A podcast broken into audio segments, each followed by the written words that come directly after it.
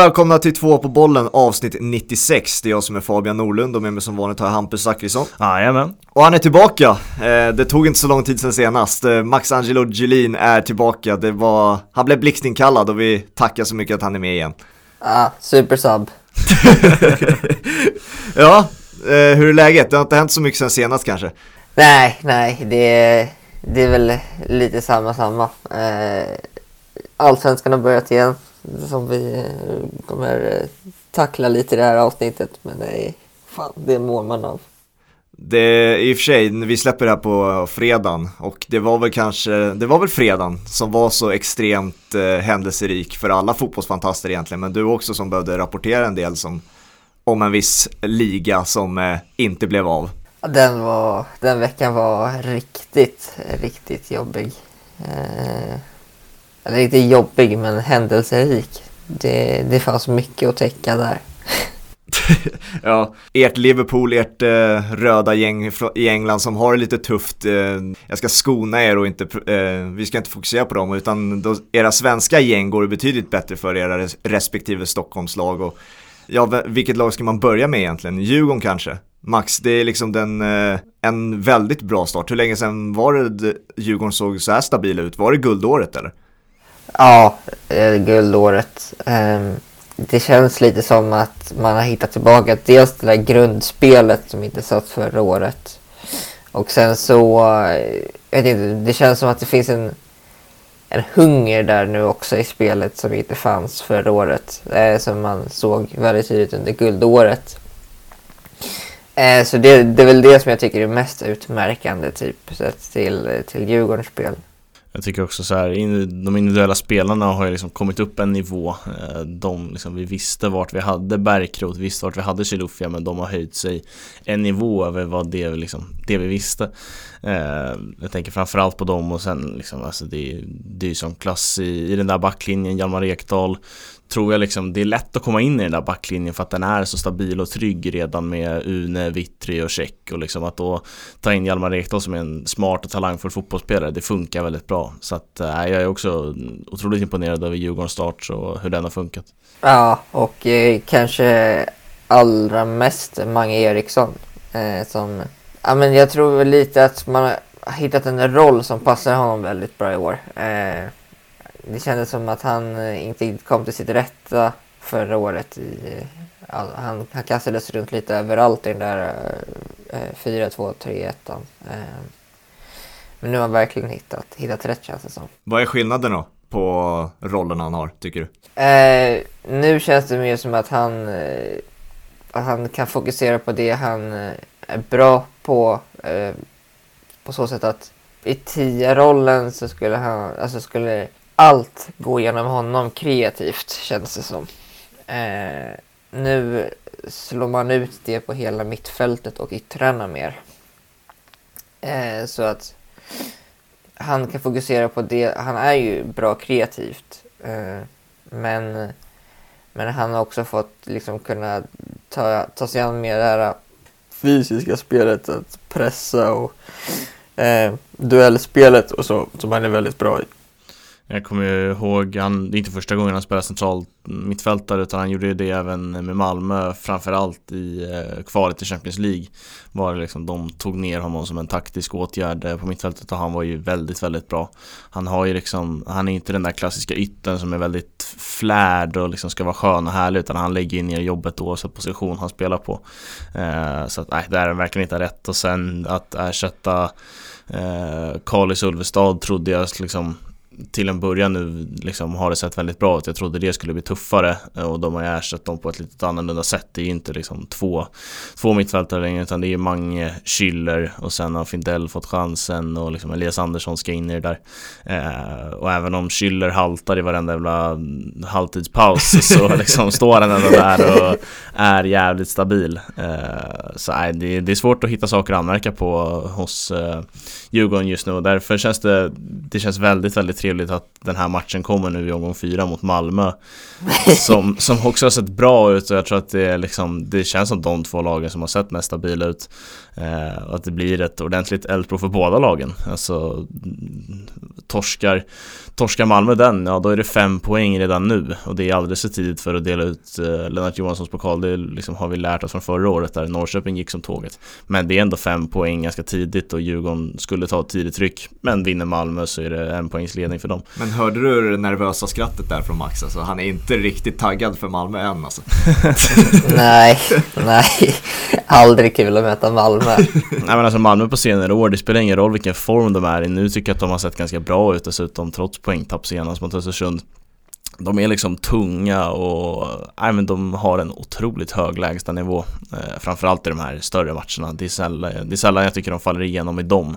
Utan det är liksom där de inte kommer upp i intensitet och tagg inför matchen. Då de kan falla igenom. Mm, exakt. De, eh, jag tycker du sa det helt rätt där. Att de har väldigt hög lägstanivå. Och eh, det, det är lite det man är orolig för. Hur stor vikt lägger ni vid att det är tre av tre segrar, nio av nio poäng, det enda laget i starten som har gjort det? Alltså är det bara tillfälligheter beroende på vilket lag man möter eller liksom, säger det någonting om det som kommer i framtiden också? Jag tycker det är alltså, ganska talande, i alla fall just för Djurgården nu för att det är liksom eh, Elfsborg eh, borta, Norrköping hemma Varberg borta och Elfsborg borta vet vi alla att det är en väldigt tuff match.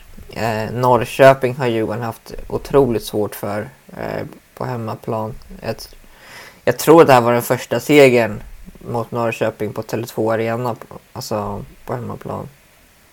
Och eh, Varberg borta, det är ju upplagt för en grisig match. det, var... Elva man bakom boll. Ja, det var ju sinnessjukt vad det blåste den matchen också. Man såg ju redan från start hur det blåste i, i tröjorna och sen när spelet väl kom igång, den stannade ju bara i luften eh, åt ena hållet. Eh, så att det, det, är ingen lätt bortamatch, så, även om såklart Djurgården ska vinna den. Eh, men det är liksom, det har inte varit det har inte varit så här dunderlätt motstånd som man bara kan vifta bort nio poäng utan de har gjort det på ett väldigt bra sätt. Jag såg Björn Jonsson twittrade om det att det var liksom på lite olika sätt de har gjort det också. Det visar en jävla stabilitet och en, en styrka att vinna matcher. Eh, där, ja men så här matcher mot Norrköping är de ju överlägsna men de liksom får inte in mer än en boll. Eh, här mot Varberg gör ju Kim en tidig taktisk eh, förändring när de tar av eh, Chilufya och de hade ju problem med Varbergs nickspel och de var väldigt tunga på offensiva fasta och det är också så Varbergs mål kommer till. Eh, men det där fick de liksom ordning på och så avgör de med 3-1 så att eh, nej, en, en styrka att vinna matcher det kan man inte, kan man inte vifta bort. Jag, jag sa i avsnitt 93 i vårt försnack där med Gurra Karlsson att jag bedömde Djurgården som ett väldigt, väldigt stabilt kollektiv, både defensivt och offensivt, men har inte har de här utstickande fixstjärnorna som andra topplag i Allsvenskan har. Håller du med om det Max, eller eh, ser du, ser du några individer som sticker ut lite extra, precis som vi får se i andra lag? Eh, alltså det är väl inte, alltså jag håller med dig på, alltså för att det är liksom ingen självklar stjärna i Djurgården. Eh, man har ju spelare som sticker ut. Eh, typ Vittri, eh, Mange, eh, Eriksson, Chilufya. Eh, men det är fortfarande inte de här väldigt tydliga stjärnorna skulle jag säga. Eh, det är liksom ingen Seb Larsson eller eh, någon, vad heter det, eh, Astrid Selmani eller, eller liknande. På tal om Vittri, alltså är ju absolut den bästa fantasyspelaren eh, som finns. Eh, eh, och vi kommer säkert till våra fantasylag. Det, det ska bli intressant att se vad, vad du tycker om din inledande start Max.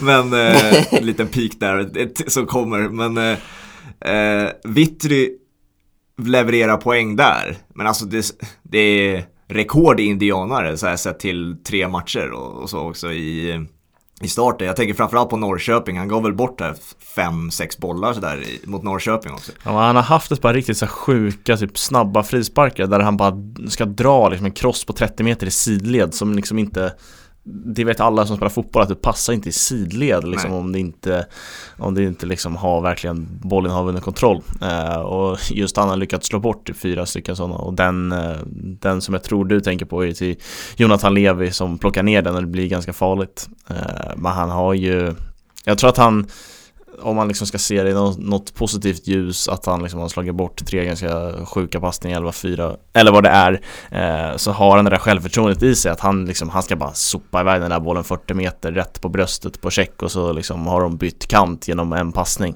Eh, så att han har ju han har ju en fin högerfot eh, som, som jag tycker att han ska använda men kanske inte, kanske inte sidled 30 meter.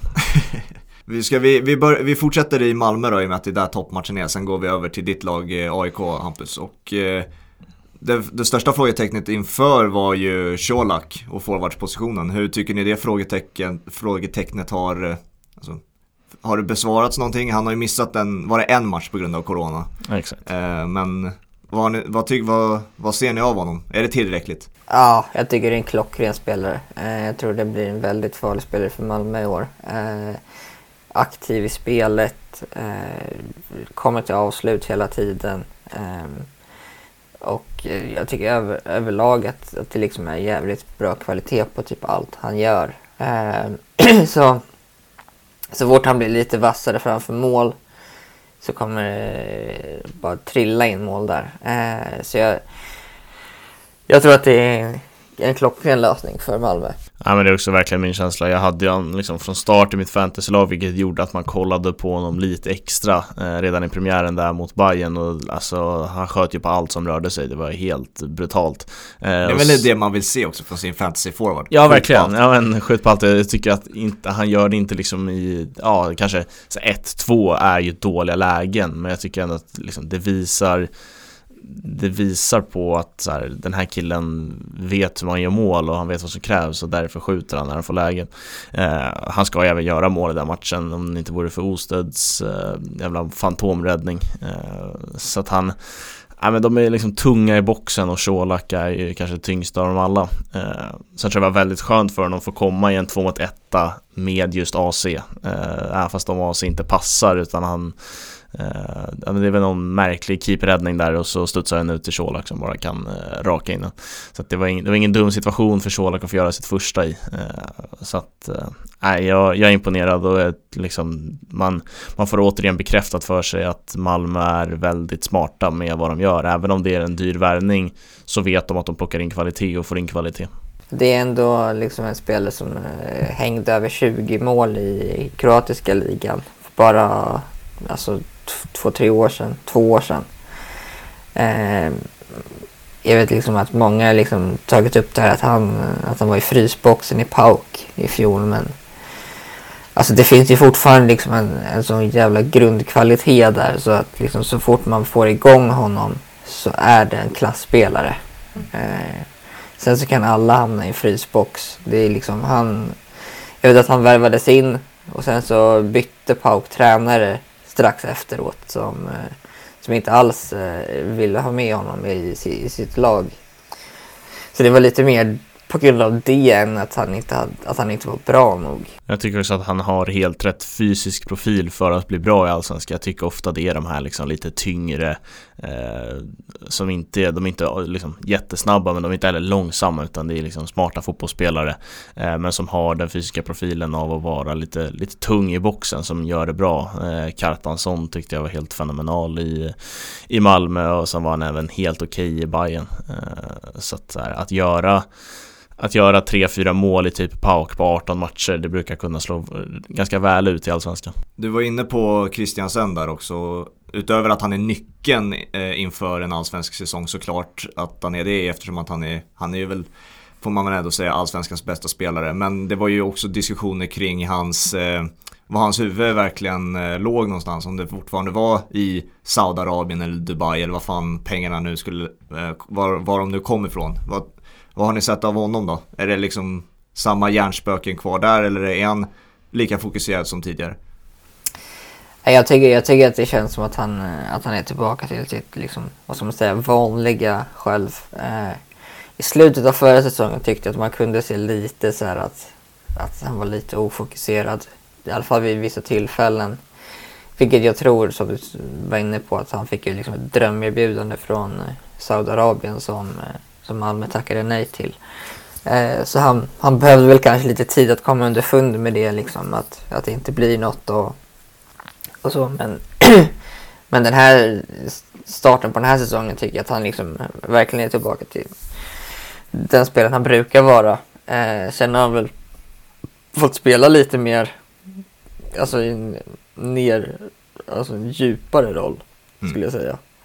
Eh, så man, man har väl inte riktigt sett honom på, på samma sätt som innan. Det är liksom inte den här snubben som är utanför boxen hela tiden och trycker av långskott och, och så vidare. Men, men fortfarande en jävligt bra spelare. Måste ju klämma in Ola där någonstans liksom. Ja, exakt. Så han har ju liksom gått och, gått och blivit eh, tia. Eh, så att, eh, nej, de har ju ett eh, helt jävla otroligt lag, Malmö.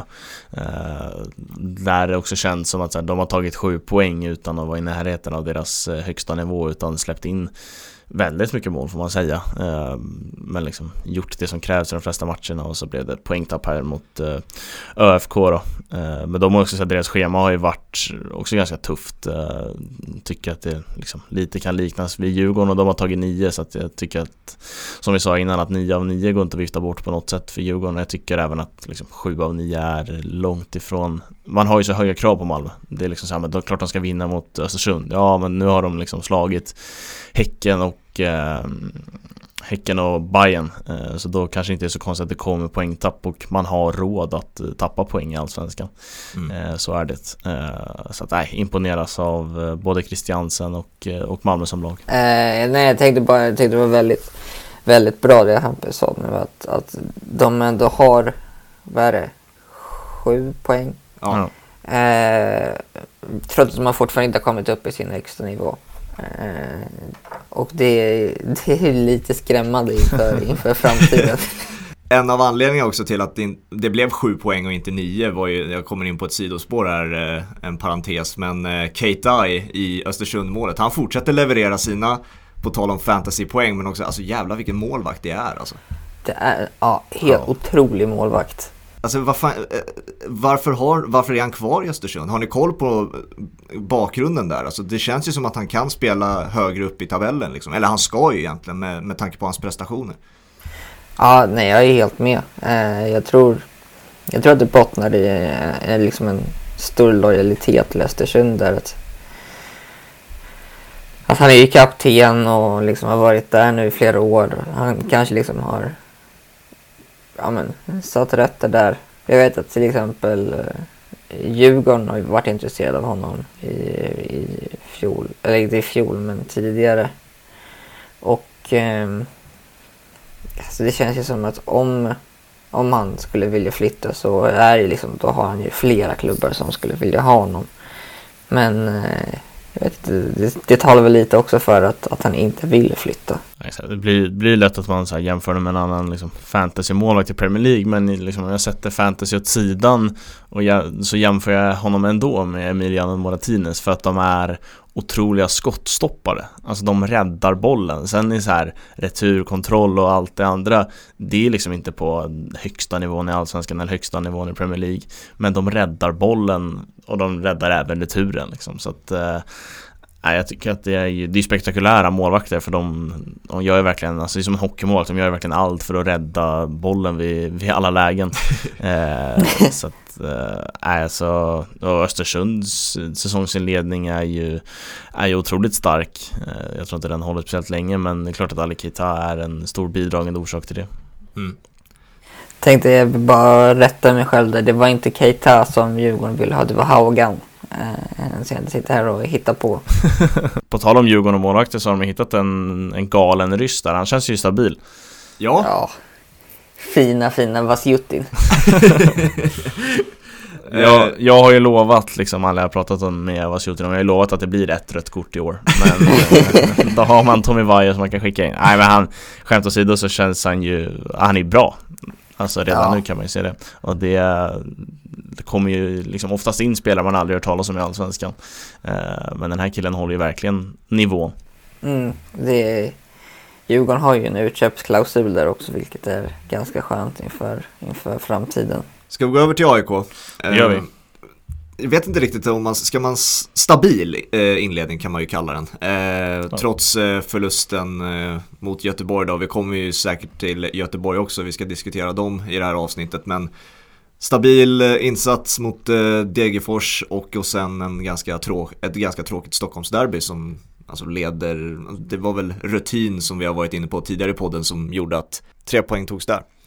Ja, men alltså matchen mot Degerfors tycker jag är riktigt bra och ett nytt Nytt AIK i många, många anseenden där man går framåt och vinner boll eh, och liksom när man vinner bollen så går man ännu mer framåt. Så att det var ett offensivt slutat AIK det kändes som verkligen hade gjort läxan på Degerfors att så här, de hade, folk hade pratat mycket om också att Degerfors gillar att ha boll och de kommer vara trevliga att se på och sådär och liksom AIK gick direkt in och visade att Eh, här på Friends kommer ni inte att bestämma i alla fall utan här tar vi tag i bollen och låter vårt spel vara det förande spelet.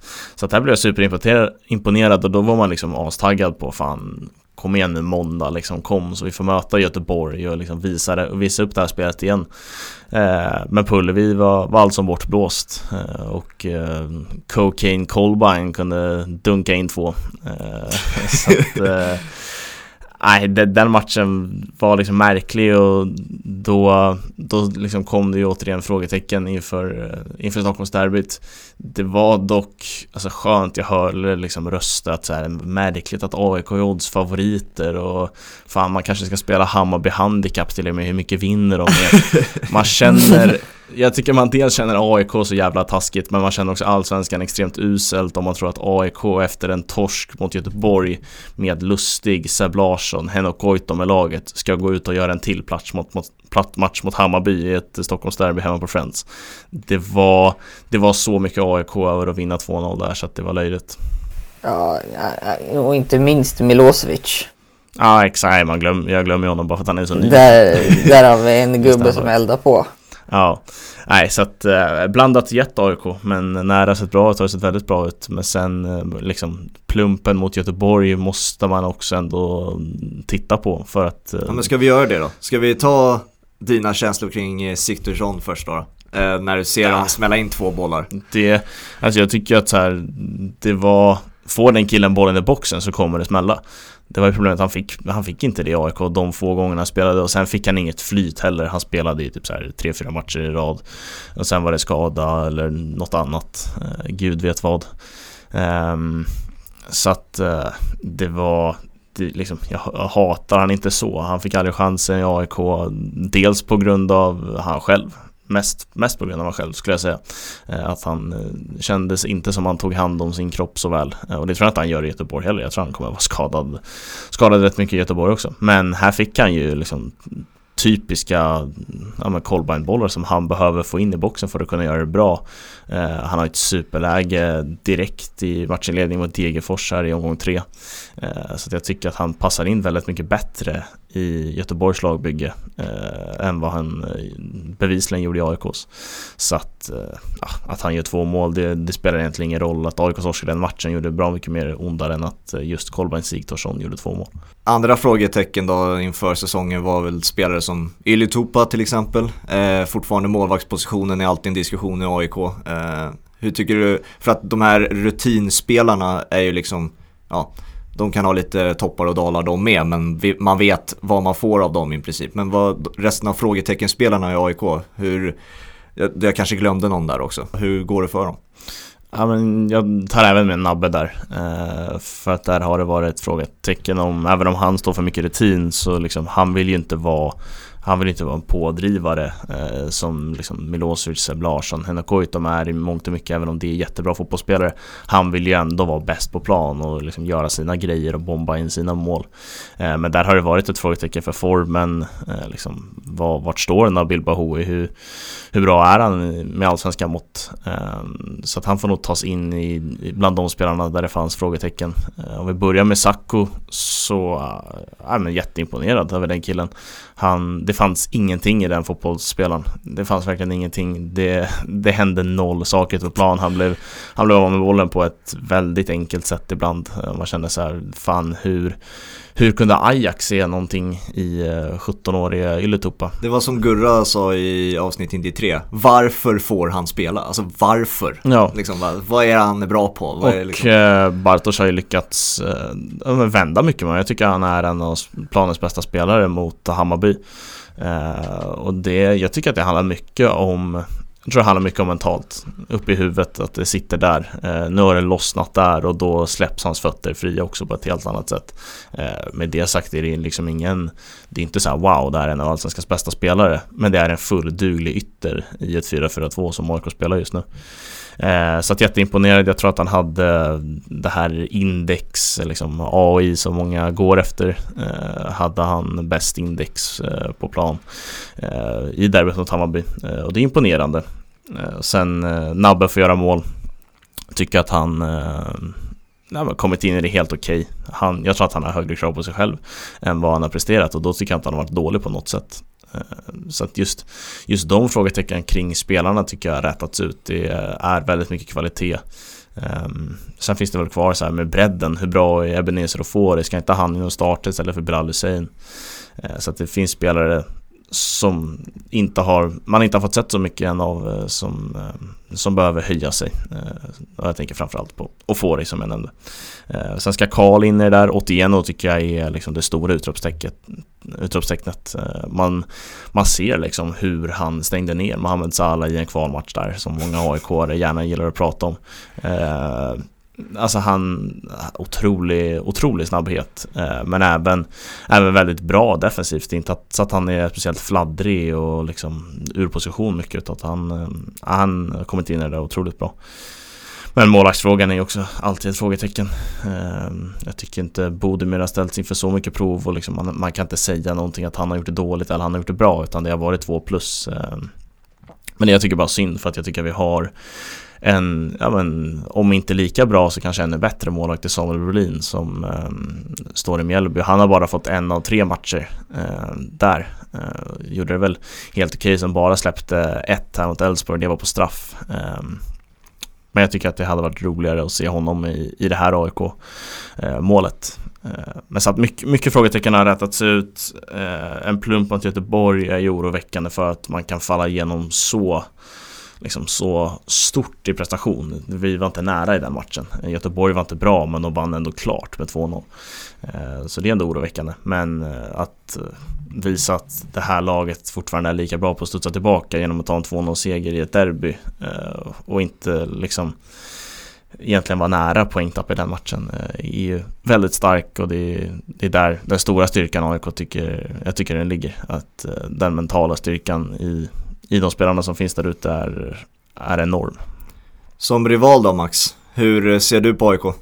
Nej, jag, ty jag tycker eh, Hampus har beskrivit det ganska bra. Det, det är en stabil start. Eh, Degerfors blev man eh, väldigt imponerad mot för att det är liksom inte det här AIK man känner igen de senaste åren utan det var ett väldigt offensivt AIK. Eh, högt pressande, eh, framåt tungt. Eh, och det är liksom det, det är man inte van att se. Eh, och eh, framförallt som utropstecken eh, eh, verkligen med, med Hampus på att Otieno har sett riktigt, riktigt bra ut. Han hade väl en, också en, en tung match mot Blåvitt som hela laget hade men jag tycker att han, han, han fyller jävligt bra defensivt. Liksom otroligt svårt att ta sig förbi honom. Och sen så tycker jag också att han har en väldigt fin inläggsfot också. Eh, allra, eh, eh, kanske allra mest syntes mot Degerfors. Eh, och eh, det, är, det är en spelare som jag har blivit väldigt imponerad av i AIK. Eh, Sacco har sett bra ut. Eh, det är fortfarande lite så här att man har inte haft den här wow-faktorn på honom ännu tycker jag. Ehm, eh, utan om det är någon där framme som har imponerat på mig eh, så är det Stefanelli. Eh, han är liksom en helt annan spelare nu än vad han var förra sessionen i AIK. Att han är mycket mer eh, delaktig i spelet. Han är fortfarande den här kliniska avslutaren. Eh, men just det att han känns så mycket mer involverad i spelet. Eh, sen så är det ju en del som jag tycker bör liksom höja sig några nivåer till och det är ju typ Lustig och Nabbe. De har väl gjort liksom ett helt okej okay jobb eh, men man förväntar sig så mycket mer av dem. Sen eh, tycker jag, bortsett från Blåvitt så har jag varit väldigt imponerad av Bilal. Ehm, det... Man, man, glömmer ofta bort honom eh, numera liksom. Förut var väl för två säsonger sedan när han eh, kom fram som det var mycket prat om honom och sen var det ju lite med tanke på AIKs upp och ner säsong var det liksom man glömde honom ganska snabbt efter vilket mål var han gjorde nu? nu var det Malmö han gjorde mål på Friends va? Så gjorde han mål också i derbyt mot Bayern också. Ja exakt, det är framförallt eh, derbymålet jag Det var väl mycket på. snack om honom då men har glömts bort lite. Vad är det för, alltså är det samma nivå som man ser på honom när han slog igenom eller har han höjt sig ytterligare ett snäpp? Jag tycker att han verkligen har höjt sig ytterligare. Eh, framförallt liksom att han är mer mogen i, i spelet. Att han, eh, han har förbättrat sin beslutsförmåga och eh, ser spelet mycket bättre och förstår spelet mycket bättre. Eh, så jag, jag, tycker att det liksom mest har att göra med mognad. Eh, på alla plan egentligen. Eh, så det är liksom den spelaren som jag nästan ser störst potential i, i AIK. Ja, jag tycker det var intressant när Bartosz fick frågan om eh, jag tror det var efter, efter derbyt här. Eh, och han sa att så här, men Bilal har bestämt sig eh, redan tidigt den här säsongen att han ska bli en bra defensiv mittfältare. Eh, jag tror det är därför han också får ett stort förtroende liksom, på ett tvåmannamittfält med Seb Larsson för att han har visat det där för Bartosz att han, han är villig att lägga ner gnugget för att bli riktigt bra defensivt. Och det, liksom, det handlar ju dels om duellspel men också smartness och se spelet som du var inne på Max. Ehm, och sen tycker jag att det är han som står för det kreativa på ett mittfält med Seb Larsson och nu tänker folk som har sett svenska landslaget bara så ja men Seb Larsson är ingen kreativ mittfältare Men i Allsvenskan så har han Han skapar en del lägen där. Ja absolut, han har den absolut liksom bästa högerfoten på fasta. Men det är ändå Bilal som liksom främst när Bilal får bollen Det är en trigger för AIK Då vet man att nu, nu går vi iväg i våra, våra djupledslöpningar Så att, äh, nej, otroligt kul. Och det var viktigt för AIK att äh, han han är ju fortfarande liksom ung, han har inte jättemycket allsvensk erfarenhet även om han, det känns som han har varit med 3-4 år så har han inte liksom varit startman. Eh, så det kommer säkert liksom blandas och ges där som med alla i laget. Eh, men det är viktigt att han har hittat en, hittat en bra nivå för att ersätta och få det för att där, eh, jag vet inte vad som har hänt. Ingen vet. Nej, han är bara, bara fall igenom. Liksom. Är det skador som ligger bakom det också eller är det bara att han eh, presterar dåligt på så här träningar? För matcher ser vi honom inte längre spela.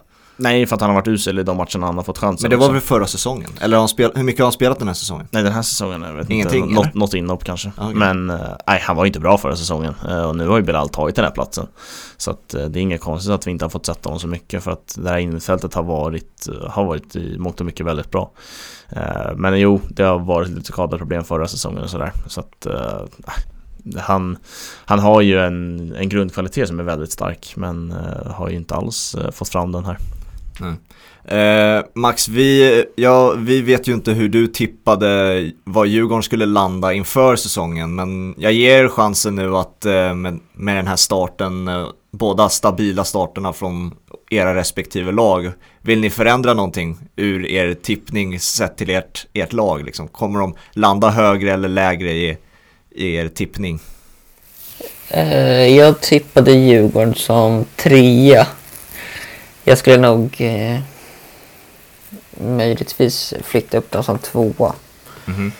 Bakom Malmö tippar jag då antar jag? Ja, jag tror att Malmö kommer fortfarande att ta hem det. Det är, det är en sån rutin och alltså eh, hög lägsta nivå och som bred spelartrupp och hela, hela, hela den biten.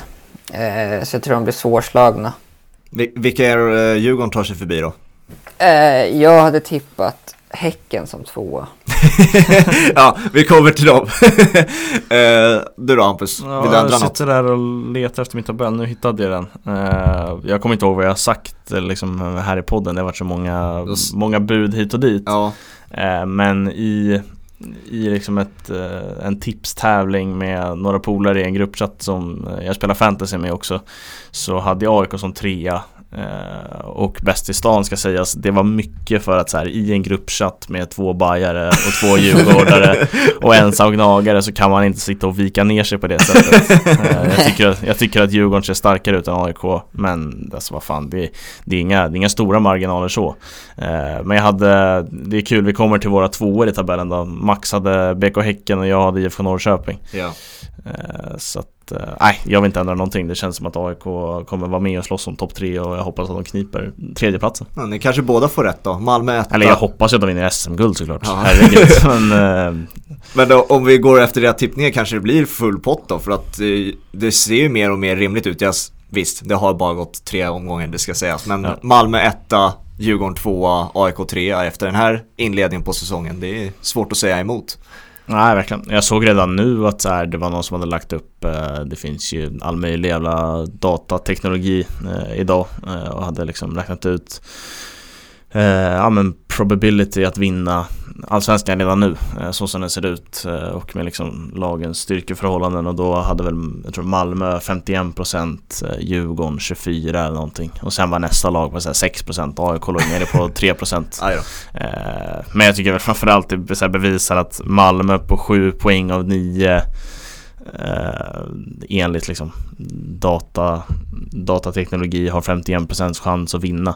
Eh, det, jag menar, det visar någonting att så här, hur, hur starka de är och var, liksom, vart, det, vart deras högsta nivå ligger. Eh, sen tycker jag inte att oavsett hur, hur mycket rätt en dator kan ha haft historiskt sett så kan man inte se på tre omgångar efter Allsvenskan och räkna ut sådana grejer. Men det är klart att Malmö och Djurgården ser absolut starkast ut hittills. Ja, det är, alltså, det är så mycket som kan hända. Alltså ser jag bara förra året, Djurgården hade ju liksom inte en enda mittback frisk. Eh, alltså bara, bara ett exempel på att sådana saker kan hända. Eh, mm. Och det, det kan ju inte en dator ta hänsyn till. Så. Nej. Ska vi gå till flopplagen då? Eh, BK Häcken, Peking och Hammarby då. Eh, får vi väl ändå kalla flopplag till en början i den här, på den här säsongen. Hammarby kanske lite mindre än eh, ja, men... Häcken och eh, Norrköping såklart. Ja, men... Allting handlar om de här första tre omgångarna och även fast man inte ska dra stora växlar utav tre, de tre första så sitter vi här och gör det för att annars vore det jävligt tråkigt att lyssna på om ja, vi exakt. sitter bara.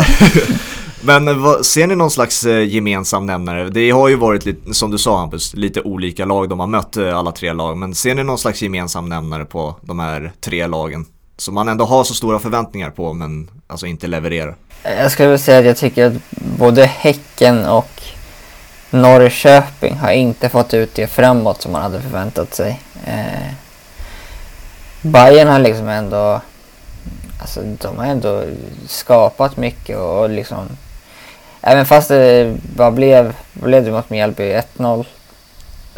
2-0. 2-0. 2-0. Så det liksom, man hade mycket mer lägen och, och, och så framåt än, än det. Eh, Malmö stängde man ändå in två mål mot. Så de, de tycker jag ändå har, liksom har fått det här att, att klaffa. Sen så har ju de haft tufft motstånd. Ja, alltså jag vet inte, det kanske är orättvist att äh, ens nämna Hammarby. Det är såklart, återigen, det är inte på samma, nivå, äh, samma besvikelsenivå som Häcken. Sen kommer ju såklart Norrköping och Hammarby kanske vi jag vet inte, Nej, det är ju lätt men... för er Stockholms, Stockholm, andra Stockholms lag att säga att ja, Hammarby är kassa och sånt där. Nej men, men alltså liksom... de har ju tappat poäng eller de har torskat, de matcherna de har torskat så tycker jag att det är de svåraste bortamatcherna man kan spela på en ja. allsvensk säsong. Eh, men det är liksom, ska man vinna SM-guld som de liksom gärna pratar om eh, så kanske det är dags att börja vinna även de svåra matcherna. Eh, men jag tycker alltså, det, det är såklart för tidigt för en floppstämpel men dock så, så här, det här har ju ändå satt press på Hammarby som lag att nu pratas det om liksom, aha Selmani, vad, vad händer där? Varför, mm. varför är inte han igång? Och liksom, det spelar ingen roll vilka matcher det har varit hittills. Eh, de står på tre poäng efter nio, eh, tre poäng efter tre matcher. Ehm, och det, det är inte bra nog. Eh, och det kan också sätta liksom, griller i huvudet på spelarna och få dem att tänka till extra. Och där ser jag att det finns, en, finns ett frågetecken och finns en farhåga. Eh, men det är klart att så här, torska mot, eh, torska mot AIK borta och torska mot Malmö borta är ingen katastrof. Eh, och det såg bra ut mot Mjällby eh, trots på 2-0 som Max var inne på. Så att det är ingen, det är egentligen ingen anledning att panika, eh, panik än. Men det är klart att det är häpnadsväckande. Alltså det blir ju det blir ju ändå en grej av att Hammarby står på tre poäng. Om man ska säga någonting positivt med Hammarby då är det väl ändå Amo. Sen Ludvigsson gör ju sina poäng fortfarande liksom. Eh, men alltså Amo, vilken jävla höjd det finns i den killen. Alltså, jag, jag har ju sagt tidigare att eh, förvånad om han är kvar efter den här säsongen. Jag är glad att jag valde honom som min genombrottsspelare så här tre omgångar in i. eh, men alltså finns det också en fara i att han han är ju bara 18 bast liksom. Finns det någon fara i att han blir den självklara nyckelspelaren och att ja, till exempel Selmani inte tar på sig samma ansvar och, med att göra poäng och så vidare. Blir det en farlighet att eh, Amo blir en större nyckel än vad han faktiskt ska vara i den här åldern? Eh, alltså jag, jag skulle nog ändå säga att jag tycker att, att nyckelspelarna är Ludvigsson och Selmani. Sen har inte de levt upp till förväntningarna. Nej, på pappret är, ju, alltså, är de ju det och de ska mm. vara det med, med både tanke på åldern och så. Men är, eh, finns det en farlighet att eh, en så ung talang liksom får axla för mycket ansvar? Ja, alltså det är klart att man måste kunna hantera den pressen. Att det, blir, det är någonting som är lite skevt på så sätt att om det blir så i Bayern att man måste förlita sig på en 18-åring som gör sin debutsäsong i Allsvenskan.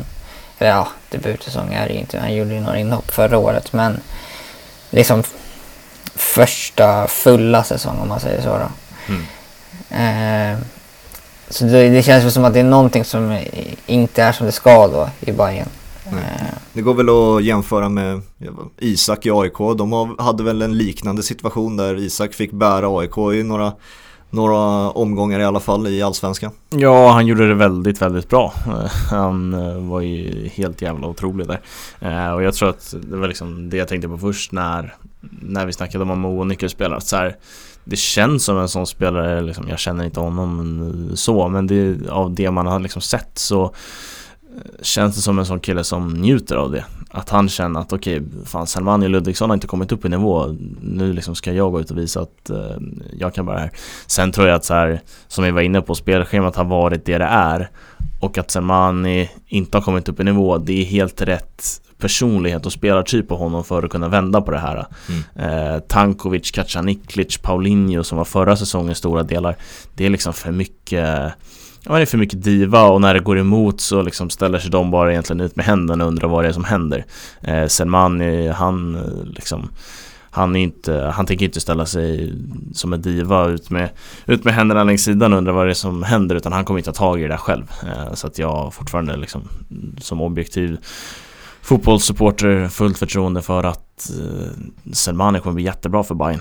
Ehm, och jag tror att så här, den här starten har triggat honom enormt. Ehm, så att det kommer vara, det kommer vara en hungrig Selmani vi ser här framöver. Eh, så att jag tycker att alltså just profilen på spelare Bayern har tagit in Det är helt rätt Just det här liksom ombyggnad av mentalitet eh, Och jag förstår att AIK är liksom gör, gör det roligt av att Bayern är ute och snackar om att vi, liksom, vi ska bli grisiga som AIK och vi, vi måste liksom få lite av deras mentalitet. Jag tycker att det är väldigt ärligt och det är bra att de har kommit till den insikten att så här, fan vi måste liksom ja, men måste grisa ner oss lite mer. Eh, och det, det tar tid och det var inte konstigt att AIK var mer gris i det här derbyt just efter det uttalandet. Men eh, som bajare hade jag inte haft så stora problem med att man går ut och säger det för att det visar ändå den insikt de har kommit till och lite liksom, the signs to come tror jag. Att jag tror att Bayern kommer, kommer bli mycket mer grisigare och bättre av det också för att det är de typen av spelarna de har på plan också med, med Selmani och Ludvigsson i spetsen. Jag tycker eh, en annan i Bayern som förtjänar att hyllas är Fjolusson. Verkligen. Mm. Eh, det blir, innan du fortsätter där Max, det blir ju, alltså vi är skyldiga till det också eh, nu när vi började prata om Hammarby. Vi landar oftast i de offensiva spelarna hela tiden. Eh, och det är liksom för att de alltid har ett spännande offensivt lag men alltså där det brister ofta är ju försvarsspelet och det är en stor del av den här grisigheten och sånt där som du är inne på Hampus. Alltså, försvarsspelet i Hammarby måste nästan sättas först innan de offensiva spelarna kan leverera som de gör. Eh, så det är, väl, det är väl den nyckeln som som du är inne på nu, du får fortsätta vad du tänkte säga Max, men liksom, det är väl där det behövs sättas först. Ja, verkligen. För Hammarby har ju inte varit så jävla stabila bakåt de senaste åren. Eh, sen så är det väl lite så här att en spelare löser alla de problemen. Nej. Eh, det kan jag inte tänka mig, men men det är ändå liksom en otrolig ledare de har fått in där bak. En stabil spelare. Eh, man har fått in en otroligt bra vänsterfot till eh, uppspelsfasen. Eh, så det är en riktig klassspelare de har fått in i Fjolesson och om det är någon som förtjänar att hyllas bakåt så är det ju verkligen han. Ja men alltså Jag såg det var Gurra Karlsson som vi snackade med om inför Allsvenskan, han är ju bajare och han skrev på Twitter där att så här, utan Fjolosson så hade Hammarby haft en målskillnad på 2-10 efter de här två första matcherna. Det var liksom efter, efter Mjällby för de hade kunnat släppa in mål mot Mjällby också. Eh, men var, var stabila. Eh, och jag tycker att eh, alltså, där de visade upp en riktig grisighet och det var ju i cupderbyt mot eh, Djurgården där de gick på knäna rätt tidigt men liksom lyckades jobba sig igenom den matchen och till och med vinna den. Eh, så, ja, det blir liksom, ja nu har vi satt Bayern under flopp eh, och det blir, det, liksom, det blir ju så för att man måste ta ut, ta ut någonting och tre poäng eh, på tre matcher är inte tillräckligt bra. Men nej, egentligen har jag inga, inga större liksom frågetecken kring Hammarby. Det är väl ett så här det kanske är dags att börja vinna de matcherna också. Eh, men jag tror att de eh, Jag tror att de kommer igång Men sen har de ju De har inte liksom jobbat upp någon reservbank med förtroende nu Utan det är dags att börja vinna nu eh, Och det, det är alltid en extra press Det är väl deras sämsta start Sen Jag kommer inte ihåg när det var men det var väldigt länge mm. Mm.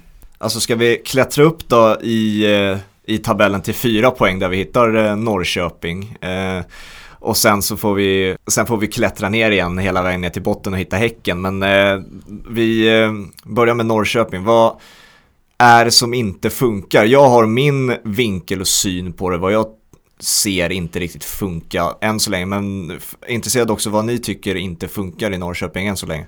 Nej, jag tycker framförallt att det är, att det är offensiven. Eh, man, man har liksom spelare som eh, Sedhak Sabanovic, eh, Adegbenro eh, och Levi och ja, många, många alltså, riktiga klassspelare som inte har fått ut det man förväntar sig av dem. Eh, och jag är osäker men jag tror inte Sead har gjort en enda poäng hittills. Nej. Eh, så det är framförallt det jag tycker inte har klickat, att man har inte fått, eh, fått igång offensiven, vilket som, som faktiskt såg eh, väldigt bra ut på försäsongen. Eh, sen så har man inte varit så här, superbra defensivt heller. Eh, jag tror inte man har hållit någon nolla. Eh, kan, ja, kanske någon. Eh, jag killgissar.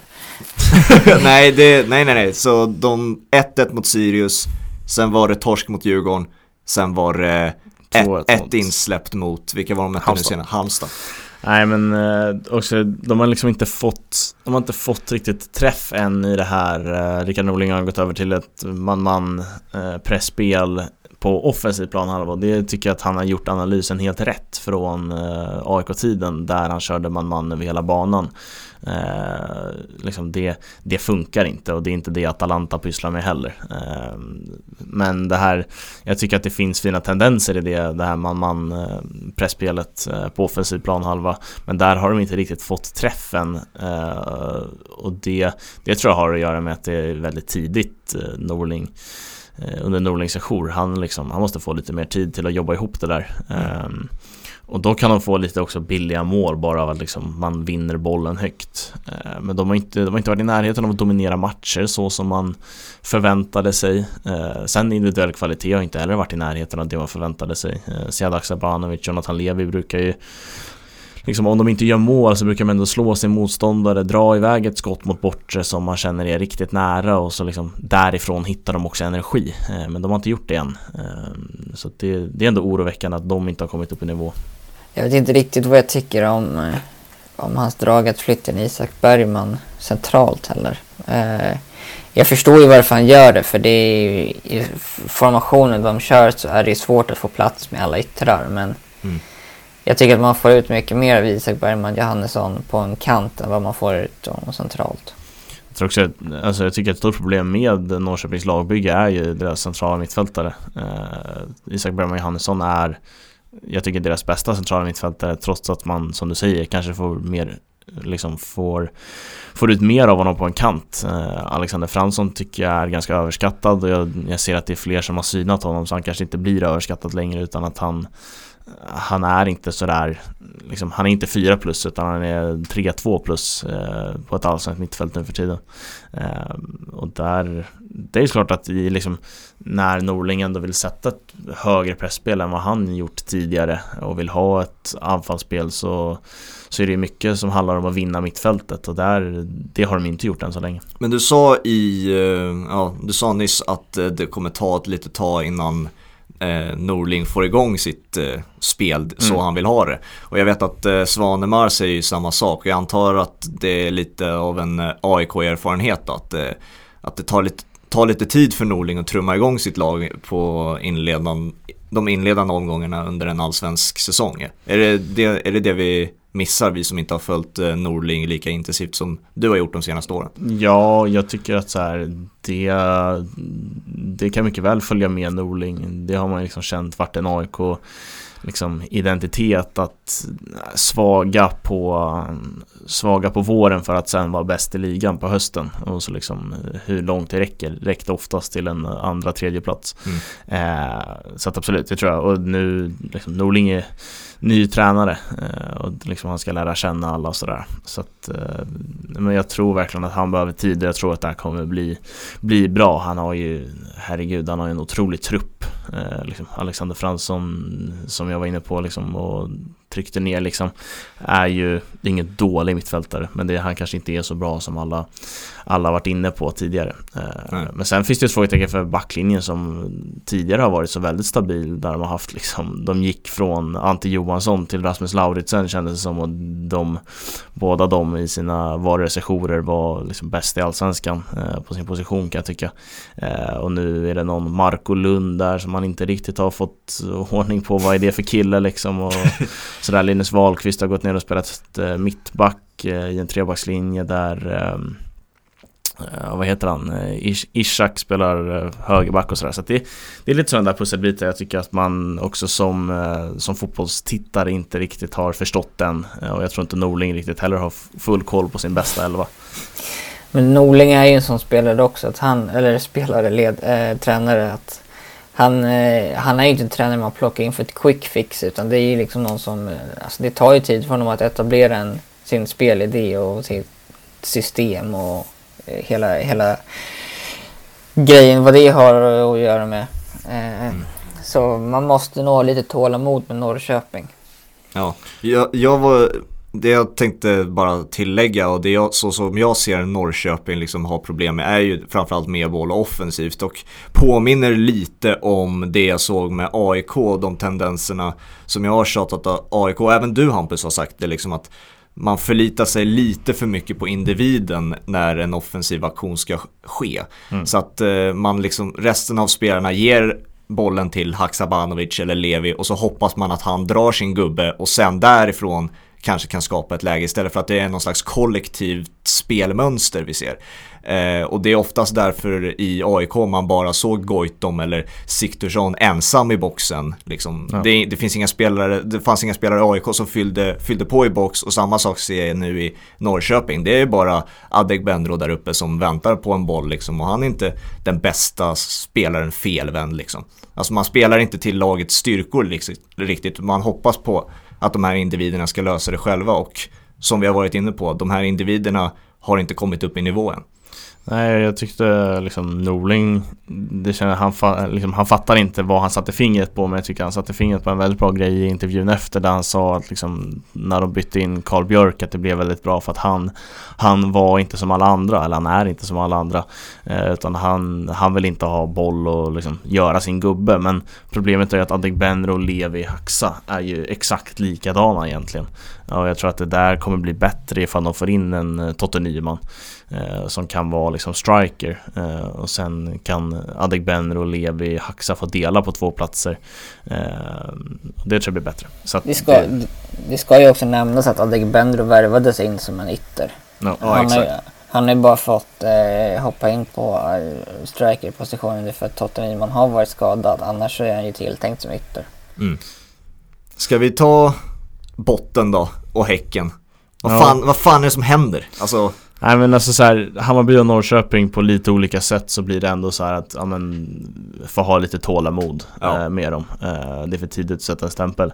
Med Häcken så tycker jag dock att liksom den är den är överhängande stor risken att så här, det blir flopp av allt det här. Eh, det har sett eh, riktigt jobbigt ut Eh, och det här är ingen ny tränare som har kommit in Alm och de har inga Alltså de har sin trupp till förfogande i mångt och mycket. Det är väl Iran Dost eh, som ska in men han var inte med på försäsongen heller. Eh, och då såg det bra ut. Eh, så att eh, där i Häcken har jag mer svårt att sätta fingret på vad det är som har gått snett. Men det har ju sett eh, hemskt ut. Alltså när man har kollat på Häckens matcher, man har suttit där med, jag har suttit med Heinz och Jeremejeff för mitt fantasylag i alla omgångar. Har man liksom väntat på att Häcken ska få dominera matchen, att det ska liksom bombas på framåt. Men det, nej, det har inte skett än så länge. Nej, det är liksom inte inte ens mot, eh, mot nykomlingen Halmstad dominerade de liksom matchen. Eh, och eh, för ett lag som liksom kom så bra till som de gjorde i fjol och liksom är en förväntad titelkandidat så måste man ju kunna gå in och ta över en sån match och bara göra sin grej och åka därifrån liksom. Eh, jag tycker samma sak där. Så Häcken hade ju ett väldigt bra försvar förra säsongen. Eh, och det har liksom inte klickat heller i, i år. Eh, samtidigt som att framåt så klickar det nästan ingenting ibland känns det som. Det är liksom... De skapar ju knappt lägen i, alltså i stundtals. De skapar ju lite, nu senast mot eh, Sirius tänker jag på framförallt. Alltså, finns ju några halvlägen. Jag vet att eh, Nanskog Nannskog eh, tog upp det i fotbollsstudion. Är det så den heter? Eh, ja, de tog upp det i han tog upp det i fotbollsstudion att eh, de har ju halvlägen. Jeremejeff hade, jag tror han ändå avslutar matchen på, inklusive hans mål då på straff, alltså han avslutar matchen på 4-5 avslut. Och det är liksom avslut i box eller strax utanför på halvvolley eller sådär. Och en Jeremejeff i form sätter ju dem. Eller ett, ett, eh, Häcken som har liksom alltså, fart och eh, ett lag som det går bra för, då sätter väl de då går de bollarna in liksom. Traoré kom väl halvt ren liksom i början på matchen också. Bombade upp den på läktaren istället för att sätta den i bortre liksom. Så att det är ju de där, och Heinz hade väl en boll på linjen också. Mm. Eh, så att alltså, jag håller med om att det inte skapas helt klara lägen. Men alltså lägen finns ju att göra mål på. Och det är väl liksom, det är de där vi brukar prata om bottenlag liksom. Det är ju de här små, små detaljerna som skiljer ett mittenlag och ett bottenlag. Nu säger jag inte att Häcken kommer stanna i botten hela allsvenskan, men liksom det är det som har varit skillnaden på sig ett AIK som har tagit sina lägen. De skapar inte, du var ju inne på det, de skapar inte jättemånga lägen AIK, men de gör sina mål. Ja. Häcken gör inte det. Mm, verkligen. Nej, alltså, som, jag tyckte ändå det var det var positiva tendenser eh, mot Sirius framförallt i andra halvlek. Som du är inne på Fabian att så här Jeremejeff sköt ju, sköt ju på allt som rörde sig och det berömde vi Colak för tidigare och det, det är liksom Jeremejeff behöver komma igång. Då kan liksom den där skutan vända bara för att han gör mål och han vinner lite matcher på egen hand ibland och den, den styrkan har han. Mm. Eh, men det har bara sett liksom så um, ja, men så bottenlöst dåligt ut ibland för Häcken. Eh, och de, de måste ta tillbaka. Det, det som dock är skönt är att så här, det lyfts ju egentligen inga... Det enda som pratas om Häcken är så här, varför pratas det inte om att de är så dåliga? Utan så här, man pratar inte om det för att det är som... Eh, fan var någon jag hörde inför eh, inför Allsvenskan att det gör Det måste göra mer ont att förlora i Häcken Det var ju Gurra i vårt avsnitt Ja, du ser eh, Och det, det liksom den här starten bara förstärker ju det. Att så här, det gör inte speciellt ont att förlora Häcken och det lyfts heller inga stora rubriker kring deras start på samma sätt som det hade gjort ifall eh, ja, men Göteborg, AIK, Malmö, Djurgården, mm. Hammarby hade, hade stått för den starten. Men eh, du som AIK-are då Hampus, alltså jag, inte, jag, jag kanske har frågat dig tidigare i podden men jag har inte riktigt koll på hur ser du på Andreas Alm? Alltså, du har ju ofta sagt att eh, det är fyra, fem tränare som cirkulerar på AIKs tränarbänk liksom. Ja, väl... Att du säkert ser Andreas Alm landa i AIK någon gång i framtiden igen säkert. Ja, exakt. Liksom, hur ser du på Alm numera? Det är Norling, Norling eh, Stare och Alm som... Ja, exakt. det är ungefär som Rotationen. Holländska, holländska landslaget har också en sån där rotation med De Boer, Koman och... Ni har en annan slags rotationes. Ja, exakt. inte, inte Bielsa rotationes här inte. Nej, men jag gillar Andreas Alm. Eh, jag tycker att han, eh, han står för en, ja, men, en ganska fridig och rolig fotboll där liksom djupledsspelet i anfallet sätts i första rummet. Eh, och sen liksom under hans tid i AIK blev det nästan av så här AIKs DNA och att försvarsspelet blev väldigt bra också. Men eh, jag tycker om Andreas Alm, jag tycker att han har Alltså han har bevisat sig vara en väldigt bra allsvensk tränare och man, man vet vad man får med honom och det, det kommer resultat eh, nästan varenda säsong. Eh, så att jag tror Jag tror att det här kommer trumma igång också. Um, men nej, ingenting emot Andreas Alm och jag har liksom stort förtroende för honom som fotbollstränare också. Även om det kanske saknas det där lilla extra för att ta ett guld. Och framförallt när man är i Häcken så saknas det ju liksom i, i klubben bara saknas det ju DNA för att vinna ett guld. Eh, framförallt med den, med den eh, konkurrensen som finns eh, bland de andra lagen. Så att nej, fullt förtroende för Alm. Jag vet inte, har, har vi något mer på Häcken? Eller ska vi jag vet, jag, vi, vi vill ju prata lite fantasy också som avslutning men det går ju inte att eh, alltså, dra de här lagen och inte nämna hype-laget nummer ett, Göteborg. Eh, måste ju sägas någonting om dem också och den här inledningen.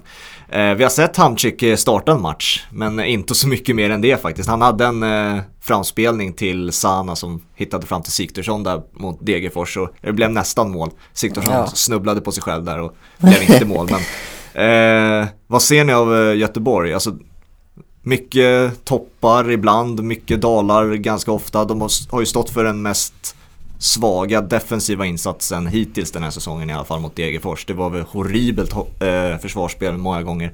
Eh, men vad, vad tycker ni om Göteborg? Är det, talar det för att det blir ett mitten placering på grund av att det är så mycket toppar och dalar. Jag tycker att potentialen finns där i Göteborg. Eh, mot Degerfors så såg det ju riktigt risigt ut defensivt men alltså offensivt tyckte jag ändå alltså man, eh, man hade en dominans. Man liksom försökte ändå ta initiativ till att skapa lägen. Sen så liksom gick det inte hela vägen många gånger men eh, det, alltså det är en trupp fylld med kvalitetsspelare och potentialen finns där tycker jag. Eh, så jag tror att de kommer hamna över liksom mitten eh, skiktet. Eh, jag skulle nog inte säga högre än kanske femma men i alla fall runt femma till sjua skulle jag gissa. Eh, så jag, jag, tycker att det finns en, en, en, definitivt en potential i Göteborg och eh, det såg man allra, allra mest mot eh, AIK. Då. Eh, sen så har det väl varit lite sådär, ja, inte riktigt någon ögonöppnare mot varken eh, Örebro eller, eller mot eh, Degerfors men ja, det det är många nya spelare i laget också. Och eh, det är liksom Rolles första säsong i, alltså från början. Förra året var det lite mer det här progressiva att bara backa hem, alltså backa hem kontra säkra kontraktet liksom. Det är först nu som Roller börjar ta, ta, ta sig an det här att etablera en spelidé. Tycker jag. Men jag tycker alltså det här laget mer än något annat så är det svårare att dra växlar efter tre omgångar för de har spelat liksom som tre helt olika lag ja. Eh, i de tre matcherna. Det, det kan man absolut se som en svaghet att det, liksom, det är svårt att veta vad man har i Göteborg. De har ändå spelat tre matcher. Eh, liksom, så kan man också se det. Eh, men liksom mot AIK, ramstarkt, eh, otroligt bra defensivt. Släpper inte igenom någonting egentligen och det de släpper igenom har Anestis. Eh, mot Degerfors så börjar liksom Anestis med en jättetavla. Eh, och därifrån faller de igenom totalt försvarsmässigt. Bjärsmyr är helt felplacerad i något av målen. Eh, och sådär, så att de, de har verkligen spelat som helt olika lag de här tre matcherna. Eh, så jättesvårt, eh, jättesvårt att veta vad man har dem. Eh, men det, alltså, det, det är tydligt att någonting saknas. Och det, det tror jag handlar mycket om att liksom en tränare ska få ihop det här. Och det, det kan jag inte säga att liksom Rolla haft tiden på sig för att jag ska kunna bedöma att han inte har gjort. Så det måste också få ta lite mer tid. Men alltså med, med den där truppen som de kommer ha efter Jag tycker att de har en bättre trupp efter omgång åtta när Hamsik försvinner eh, Och det har inte någonting med att göra att jag Som du tror att Hamsik försvinner alltså? Ja, vi vet men ju inte han, nej, men han kommer försvinna. Han har en klausul som gör att han får flytta efter, eh, efter EM. Eh, och väldigt svårt att se att han blir, blir kvar i ja. Göteborg. Men självklart, det vore ju bara bra för Göteborg om de får behålla Hamsik eh, fram till 31 augusti eller vad det är. Eh, det kontraktet sträcker sig. Men vi ponerar att Hamsik försvinner och de får in Wendt och Berg. Då tycker jag att de har en bättre trupp. Mm. Eh, egentligen. Ehm, för att de får ihop flera bitar med de två spelarna än med Hamsik centralt mittfältet finns där. Eh, även utan Hamsik. Eh, men det är, liksom, det är en trupp som ska ta Europaplatser eh, och jag tycker att det är ett misslyckande ifall man inte gör det. Eh, och den, där har de långt till, eh, liksom upp dit, att nå den höjden och att vinna de här viktiga matcherna i den striden. Eh, men jättesvårt att veta vart man har dem som sagt. Eh, är det bara jag eller känns det som att eh, Hamchik, eh, hypen all over börjar svana av ganska snabbt? Ja, alltså, alltså jag... jag... kände inte av den här, alltså när, när, han blev klar så kändes det som att, jag sa det också, att jag kommer vilja se Hamchik varenda minut i allsvenskan han spelar liksom. Eh, men nu liksom när, när man ser att han startar mot Degerfors Säg för två månader sedan, då hade man tänkt sig att det här blir, det här blir lekstuga för Hamchik. Det var inte de rubrikerna jag tänkte på när jag såg Hamchik eh, starta mot Degerfors. Nej, jag är så svårt, så svårt att bestämma mig också i vad, liksom, hur man ska hur man ska snacka om Hamsiks första match. För att jag är alldeles övertygad om att så här, det hade varit helt galet stora rubriker ifall Hamsik eh, hade gjort mål, assist. Ja, såklart. Så varför kan vi då egentligen inte dra för stora växlar av att han inte var speciellt bra? Det tycker jag är helt okej okay i, i, liksom, i fallet Marek Hamsik för att det hade dragits väldigt stora växlar ifall han var bra. Eh, så ifall han var dålig så kan man också göra det. Jag tyckte, alltså jag blev... Nej men jag tyckte att han såg trög ut och det, det är inget konstigt med det. Han hade sin första match på typ så sex månader.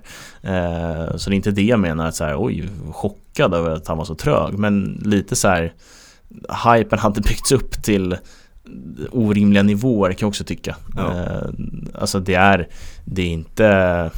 Han har inte spelat på den högsta nivån senaste året. Eh, så han, han är alltså, jättebra fotbollsspelare men jag tror att det är lite av det där vi kommer få se de här sju matcherna i Allsvenskan eller ja, det är ju typ bara så här fem matcher kvar eh, för Hamsik och sen får vi väl se om det blir mer att så här, han kommer, han kommer stegra upp såklart eh, och, men han, han började inte på en speciellt hög nivå mot Degerfors utan det var en del jobbiga bolltapp, en del eh, dåliga passningar så att det var, det var, det var, ja, men det var en mittfältare en i mängden i den matchen jag har inte så mycket mer på lag. Vi eh, går över till fantasy då. Eh, avslutar där. Det går ett rykte om att du har använt ditt eh, wildcard redan Max. Stämmer det? Det stämmer. Ja men vad fan. Och det går sådär trots det? Ja, det var förra omgången nu där allt gick emot. Eh, fan. Eh. Och det, omgången innan så lyckades jag fan nästan plocka in 50 pinnar ändå trots att eh, både Frick och Colak gick ut med covid. Eh, så varför så använde det... du ett wildcard? Var det för att eh, covid... Eh... Nej, utan det var mer liksom att eh, jag kände efter eh, att jag, liksom, jag hade inte riktigt tagit hänsyn till spelschema. Eh, okay. Som jag borde ha gjort. så jag ändrade om det men jag är fan, jag är fan nöjd att jag gjorde det ändå. Eh, jag har bättre spelare nu som man kan rotera istället för eh, att göra en massa byten. Vad, vad ligger vi på för eh, poäng vi tre Hampus om du har, drar upp allas mm. poäng här så att de som lyssnar vet, har koll på var vi ligger någonstans? Uh, Max har 133 poäng, en 21 plats i vår uh, två på bollen-liga. Uh, Fabian 150, 11 plats och jag 166, en femte plats i två på bollen-liga. Du har en lite uppförsbacke Max. ja, vad fan. Kolla den här senaste omgången, allt gick emot mig. fan. Men det, det som är här, alltså det som är härligt så här, tidigt i fantasy är att så här, 20 poäng går ju faktiskt att plocka på en enda omgång. Ja. Eh, och mer än så också. Eh, du så behöver bara med rätt mittback egentligen, sen är du tillbaka liksom. Ja, nej, men det, liksom, det jag stör mig mest på, jag sitter ju med både Colak och Jeremejeff för att så här, nu har jag spelat i tredje året, jag spelar allsvenska fantasy, jag vet hur allsvenska funkar, forwards gör inte så mycket mål. Eh, man vet också hur spelet fungerar med bonuspoäng och sånt där, men ändå sätter man sig på ett forwardspar för 19 miljoner totalt med, eh, med Colak och Jeremejeff. Ja. Eh, och det, alltså så här, ja, det följer väl ut i förra omgången när båda gör mål. Men hur ofta kommer det hända? Så att, ja, exakt. Ja, alltså fan. Frick en poäng, Chilufya en poäng. Mycket Haksabanovic två poäng. Ja, för fan. Skulason en. allt gick emot den här omgången. Hur det tänker ni kring uh, Haksabanovic, Säv Larsson, AC? Nej men jag, jag har ju släppt det där med, alltså som du var inne på, offensiven. Nästa gång jag använder mitt uh, wildcard då är det bara trycka dyra uh, ytterbackar och uh, mittbackar och bästa målvakten, det, kanske, det är väl fortfarande Keita som tar mest poäng. Eh, eller kommer vara i alla fall i slutet på säsongen. Eh, och möjligen Christiansen. I och med att han, eh, han gör mycket poäng ganska regelbundet. Men sen, det, alltså, sen är det ju liksom bara jag vet att Björn i Dobb sa liksom, hans tips, jag tycker den är klockren bara. Sätt Kouakou längst fram liksom. Och så resten är dyra backar liksom. Så köttar mm. du så liksom. Ja, ja jag eh, jag funderar på nästa drag att kanske peta Haksabanovic. Ja, det... ja, Problemet är att de har väl så här Örebro borta. Ja men de har haft så jävla bra spelschema Exakt. utöver eh, Djurgården liksom så har det varit så här, ja det här kommer bli poäng. Kapten igen liksom och så. ja men exakt. Och eh, det kollar jag på mitt lag så finns det typ bara en rimlig kapten och det är Haksabanovic men den känns inte rimlig på grund av vad han har åstadkommit än så länge. Nej. Nej. Så att vi får se hur jag gör där. Men det är också Alltså jag fick ju poäng för Jeremias mål men jag blev också lite lack över att han gjorde det för att jag hade, jag hade bestämt mig så här, gör, gör han inte poäng i den här matchen då skeppar jag ja, men exakt, Och då, hade, då hade jag fått uh, frigöra väldigt mycket cash men jag, jag, kan inte När han ändå hade den matchen, jag tyckte han var ganska bra.